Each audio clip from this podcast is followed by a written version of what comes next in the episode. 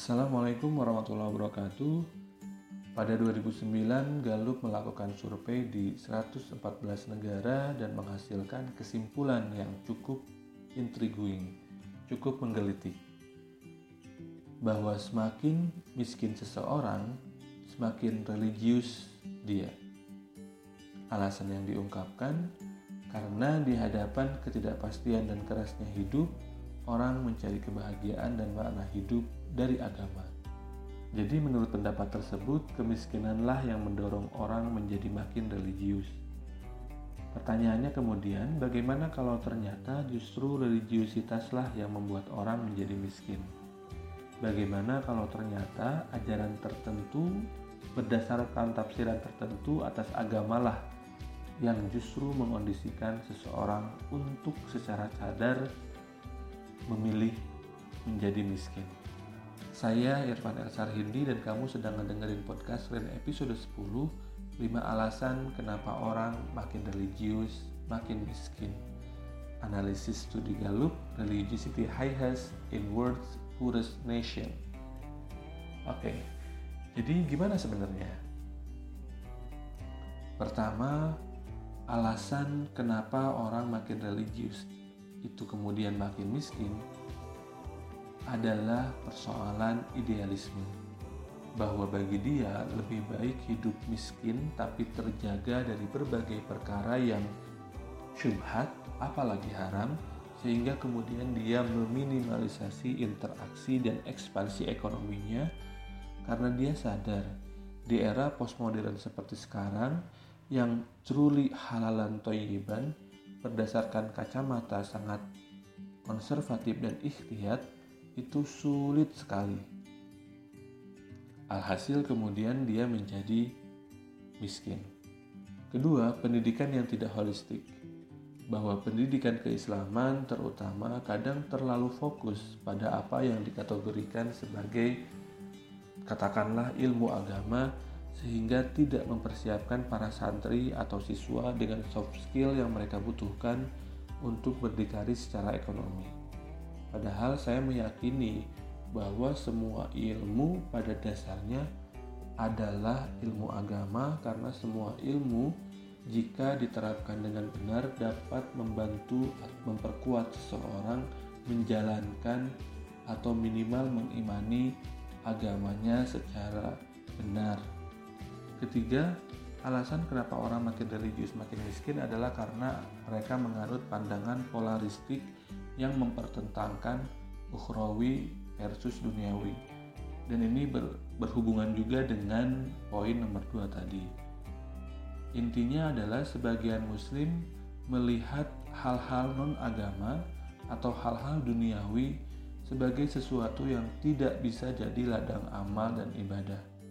Padahal kalau niatnya benar, semua perbuatan pada dasarnya bisa berupa duniawi dan ukhrawi bisa berupa keduanya sekaligus. Contohnya, saya minggu lalu dapat beasiswa ke Belanda untuk short course selama tiga minggu. Dibayarin pemerintah Belanda, dikasih uang saku, dibayarin tiketnya, tidur di hotel, bisa sekalian liburan, tapi di saat yang sama bisa meniatkan perjalanan saya sebagai sebuah jihad. Kenapa? Karena saya tahu bahwa dengan ilmu yang saya dapatkan, saya bisa melakukan kebaikan yang lebih besar. Karena saya tahu bahwa perjalanan saya ke Belanda akan membantu saya bersilaturahmi dengan banyak orang dari berbagai latar belakang negara dan suku yang mem akan membantu saya untuk lita'arofu, untuk lebih mengenal dan untuk menurunkan atau menghancurkan tembok prasangka. Dan saya juga tahu bahwa pertemuan-pertemuan dengan orang dari berbagai latar belakang itu sebetulnya juga adalah bentuk silaturahim. Sehingga perjalanan saya ke Belanda juga sebetulnya adalah perjalanan jihad karena banyak sekali potensi ibadah yang bisa saya lakukan asalkan saya tahu niat yang harus saya tanamkan dalam hati. Nah, tetapi situasinya adalah banyak masih banyak orang yang kemudian menganut pandangan polaristik yang mempertentangkan hal ukhrawi dengan duniawi. Sehingga kemudian kita secara tidak sadar selalu mengkompetisikan hal-hal yang kita anggap duniawi dengan hal-hal yang mengandung ukhrawi. Nah, keempat, alasan kenapa orang makin religius makin miskin adalah karena penafsiran sempit atas beberapa nilai dan prinsip hidup dalam Islam. Misalkan kona'ah dimaknai sebagai ya sudah segini aja, dimaknai sebagai jangan ambisius, dimaknai sebagai ya udah nggak usah mendaki, diam di kaki gunung aja udah cukup. Atau zuhud misalkan dimaknai sebagai sikap anti kaya, seolah-olah kalau kita kaya, kita nggak akan pernah bisa zuhud. Padahal Utsman bin Affan juga kaya, tapi beliau tetap zuhud. Artinya adalah bahwa zuhud bukan berarti sikap tidak mau kaya, tetapi adalah sikap untuk menempatkan kekayaan tidak dalam hati tetapi di tangan. Sehingga kita tidak menyembah dan tidak diperbudak oleh kekayaan, tetapi kekayaan bisa kita gunakan untuk meningkatkan kualitas keberagamaan kita kualitas kebaikan kita. Contoh lain, misalkan sabar dan tawakal juga ditafsirkan sebagai sikap pasif menunggu perubahan.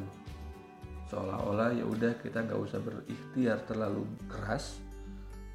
Yang penting sabar dan tawakal karena Allah pasti ngasih. Dulu itu Umar sempat memarahi seorang pemuda yang dia diam di masjid dan merasa sedang sabar dan tawakal bahwa Allah akan memberikannya rizki. Umar bilang, kamu harus keluar dari masjid dan harus cari nafkah sendiri karena itu adalah bentuk pengekspresian keyakinan kamu untuk sabar dan tawakal. Karena sabar dan tawakal tidak bisa dilepaskan juga dari konteks ikhtiar. Kelima, alasan orang makin religius, makin miskin adalah karena ada gambaran yang kurang tepat atas pilihan hidup minimalis ala Nabi Muhammad yang sering kali diartikan sebagai melarat.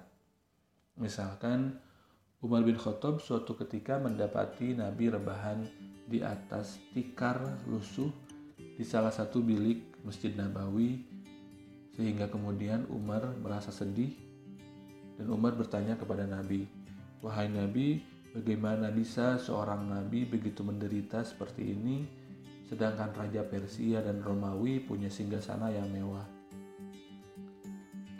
Nah, orang mengartikan Nabi Muhammad sebagai menderita atau katakanlah melarat.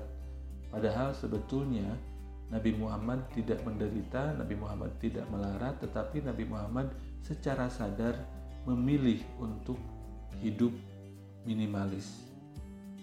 Hidup minimalis dengan kata lain adalah kebiasaan yang beliau coba contohkan. Kalau istilah zaman sekarang, hidup minimalis itu adalah salah satu jalan ninjanya Nabi Muhammad.